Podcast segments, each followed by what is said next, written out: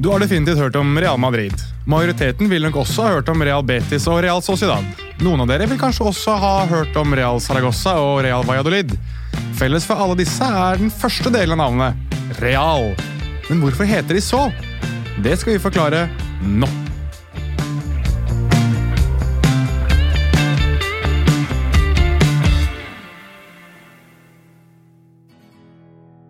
Selve realdelen av navnet er ganske særeget for spansk fotball. I introen hørte du en del ulike og velkjente navn, men visste du f.eks. at det fulle navnet for klubben Mallorca er Real Club Deportivo Mallorca?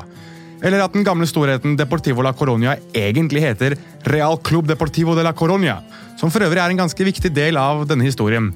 Alle har de denne velkjente real-delen i navnet sitt. Og for å ta det første først, Det er ikke fordi de er en ekte klubb eller at de er reale eller seriøse. Ordet real har nemlig et par betydninger på spansk, og en av disse er altså, vel, ok. En av disse er at det faktisk er ekte eller seriøst, så det er ganske forståelig at det er en del som tror at dette er betydningen på disse navnene. Men den andre betydningen er ifølge RAE, som for øvrig står for Real Academia Española, at det er noe som er forbundet med kongen, eller det kongelige. Real Academia Española for eksempel, vil da oversettes til Det kongelige spanske akademi. Og Her ligger nøkkelen til det vi i dag skal forklare. For samtlige av klubbene vi i dag omtaler som Real, har noe å gjøre med det spanske kongehus. På en måte. Eller vel, kanskje ikke? Ok, Dette er noe innviklet, men la oss forsøke å gi det litt logikk. Vi må nemlig tilbake til sent 1800- og tidlig 1900-tall, der kong Alfonso 13. av Spania regjerte. Kong Alfonso, som ble født inn i rollen som Spanias konge, er kanskje best kjent for å ha drevet krigføring i det nordlige Afrika men for enkelte er han også bedre kjent for sin rolle som playboy-konge. En artikkel i El Pais fra 2020 forteller nemlig at kong Alfonso var blant de første som anerkjente pornografi på spansk kino, og som ifølge doktor i historie Eduardo Juárez mest sannsynlig led av sexavhengighet. En annen fascinasjon kong Alfonso hadde, var fotball. Såpass gira skal han ha vært at han ifølge avisa La Razón var til stede da Spania slo England 4-3 i 1929.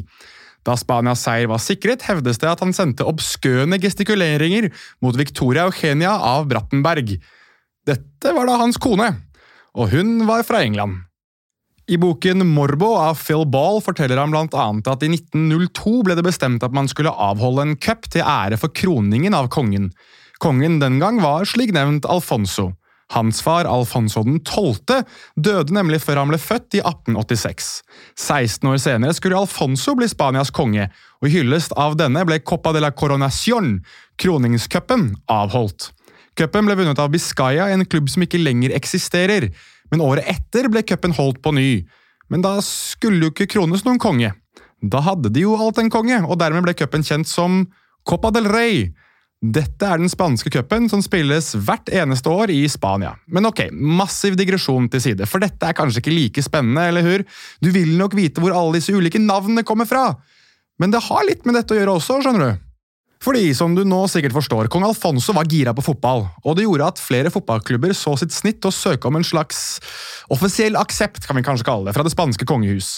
En spekulasjon som på ingen måte er bekreftet, vil være at man kanskje anså seg selv som noe mer beskyttet dersom kongen av Spania hadde lagt sin velsignelse over klubben men det får være en tanke. Ifølge ISBNs artikkel fra 2020 var Real Sociedad en av de første klubbene som spurte om kongens aksept. Inyaki Mendoza, klubbens offisielle historiker, bekreftet i mediegiganten at det handlet om prestisje, og Alfonso hadde forstått gjennom sin egen entusiasme for fotball at å knytte seg til sporten ville være et pluss for monarkiet. Klubben Sociedad de Football, eller Fotballsamfunnet fra San Sebastian, ble dermed Real Sociedad, eller Det kongelige samfunn, etter å ha fått sin velsignelse fra den spanske kongen. Dermed er det faktisk litt elementært at man ikke omtaler klubben som kun Sociedad, slik mange gjør, men som enten La Real, Det kongelige, eller Real Sociedad. Flisespikkeri for noen, helt elementært for andre. Men ok, husker dere at vi nevnte innledningsvis at Deportivo la Coronia har en viktig plass i hele denne forklaringen? Vel, Real Sociedad virker nemlig å være den andre klubben til å få kong Alfonsos aksept. Dette skjedde i 1910. I 1909 hadde allerede Deportivo la Coronia, eller Real Club Deportivo de la Coronia, tatt i bruk Real-navnet. Og I tur og orden fulgte flere av de klubbene vi kjenner i dag. Til og med det spanske fotballforbundet fikk kongen seil i 1913. I dag er det spanske fotballforbundet kjent som RFEF, eller Real Federación Española de Fútbol, Det kongelige spanske fotballforbund. Som ledd i flere av disse navngivningene, eller kongelige akseptene, ble kong Alfonso gjort til ærespresident av klubben, og klubbene ble da i større grad knyttet opp mot monarkiet. Det er samtidig enda en ting som plutselig dukker opp hos flere av disse klubbene. En krone i klubblogoen. Ta gjerne en titt på disse ulike logoene. Real Betis, Real Madrid, Real Sociedad. Alle har de en krone, og det er ikke hvilken som helst krone. Dette er den spanske kronen. Den finner man igjen i flere av de offisielle brevene når det er snakk om det spanske kongehuset. Og Det er også den samme kronen som dukker opp i det spanske riksvåpenet. Videre har denne kronen endret noe utseende, om enn minimalt, fra regent til regent i Spania. Men tar du en nøye titt på riksvåpenet under kong Alfonso 13. og kronen i emblemet til de klubbene vi nettopp nevnte, så vil du se at kronen i stor grad ligner på hverandre. Men ok, uten at vi skal bli altfor spesifikke på dette, fordi den spanske krona har ikke radikalt endret seg noe særlig, så vil nok flere mene at kronen vi finner i emblemet til Real Madrid, som fikk realnavnet så sent som i 1920, er noe forskjellig fra kronen vi finner i logoen til Real Club Deportivo Gara fra Tenerife, som fikk sin tittel så sent som i 2012, og er av flere ansett som et av de siste lagene som har søkt og fått tittelen fra det spanske kongehuset. Dersom man tar en titt gjennom historien til flere av de første klubbene vi nevnte i denne podkasten, vil man se at samtlige på ganske oppsiktsvekkende vis fjerner kronen sin i 1931. Dette sammenfattet med at kong Alfonso forlot Spania, og det som er kjent som Den andre spanske republikk ble innført i 1931. Som ledd i dette skulle alt som symboliserte det kongelige i Spania minimeres eller aller helst viskes ut. I 1936 utløses det en krig mellom republikanerne og nasjonalistene i Spania. Dette er da kjent som den spanske borgerkrigen. Fra 1939 er det general Franco som er statsoverhode i Spania.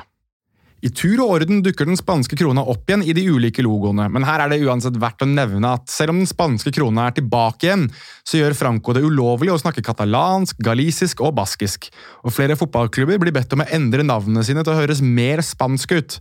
Dette er noe vi kan komme tilbake til i en annen episode av Fotball forklart, men før du nå løper ut og slår i bordet med at du vet hvorfor klubber i Spania heter Real og har krone i logoen sin, så er det kanskje noen som vil møte bedrevitere som sier men hva med Osasona, Villarreal og Cádiz? Ingen av de har Real i navnene sine og har krone i logoen. Riktignok så heter det jo Via Real, men, men det er faktisk slik at noen velger å ha krone i logoen, men har ingen formell tilknytning til den spanske stat. Og først og fremst, sjekker du kronene i de tre logoene til de tre klubbene vi snakket om, så vil du se at det er en ganske distinkt forskjell mellom de kronene og den offisielle spanske krona som vi snakket om her nå tidligere. Og Det morsomme her er at Cádiz faktisk har gjort et helhjertet forsøk på å forklare samtlige av disse kronene på sine hjemmesider. Rett og slett fordi de vil at folk skal forstå at det finnes flere typer kroner i Spania. For deres egen del så stammer kronen fra tiden da byen hadde en hertug. Dette daterer tilbake til 1484, hevder de selv, og er dermed over 400 år før vår venn kong Alfonso 13. delte ut kroner til diverse klubber i Spania. Kronen er derfor ikke tilknyttet staten Spania på samme måte, og i deres beretning forteller Cádiz at de i flere år spilte i drakter som ikke engang bar logo. Dermed var ikke kronen spesielt interessant. For Osasona sin del så mener Cádiz sin historiker at kronen kommer fra kongeriket Navarra. Navarra er da regionen der Pamplona ligger, som er der Osasona kommer fra. For Osasona sin del så oppgir de faktisk ingen eksakt forklaring på hvor kronen kommer fra, verken på sine nettsider eller andre steder. Brukeren Ivan Galdianoi på Twitter har gjort et forsøk på å forklare historien til krona i Osasonas logo. Herremannen som laget logoen, heter Ombelino Ormeneta, og kronen han tegnet var skremmende lik den spanske krona. Likevel ble det aldri bekreftet om dette var krona han hadde forsøkt å kopiere, men Osasona, slik som andre klubber, ble ifølge vår venn Ivan på Twitter bedt om å fjerne krona på 30-tallet. Dagens krone er det verdt å tro representerer byen Pamplona, med kanskje noen touch av kronen vi finner igjen i byvåpenet til kongeriket Navarra. Dette, dette ble litt innviklet, men uansett, altså krona til Osasona har ingenting med krona til det spanske kongeriket å gjøre. Tror vi. Mest sannsynlig. Og det samme ser ut til å være tilfellet for Viareal. Det eksisterer egentlig ingen definitiv forklaring på dette, ikke engang på deres egen nettside. Under seksjonen Logo har Viareal valgt å forklare noe som helst. Likevel, dette virker å være egentlig ganske så enkelt, fordi kronen er den samme som man finner i byvåpenet til byen Villarreal, der vi areal kommer fra. Så enkelt, men likevel så himla vanskelig. Dette oppsummerer kanskje den spanske fotballen litt for ofte. Symbolikken er enkel å forstå og gir egentlig ganske mening. En gang i tiden ønsket man å være tilknyttet det spanske kongehuset, mens noen vel ikke ønsket det. Men de vil være tilknyttet noe, og valgte derfor noe som lignet på det de egentlig ikke ønsket å være en del av. Forstå det den som kan. Likevel, for å komme med en slags konklusjon som gjør at dette er mer eller mindre enkelt å forstå. Navnet Real i et spansk klubbnavn indikerer at klubben er godkjent og ja, vi velger begrepet velsignet her. De er velsignet av det spanske monarki. De er dermed kongelige og får bruke den spanske kronen i sin logo. Beskyttet tittel? Ja! Men de eneste som får bruke en krone i logoen? Nei! Forskjellen er at klubber fint kan bruke sin egen krone, så lenge det ikke er kronen som tilhører det spanske kongehuset. Og slik som spansk fotball generelt. Forklaringen gir ofte mening, men du skal gjennom ganske mange runder før det virkelig begynner å gi mening.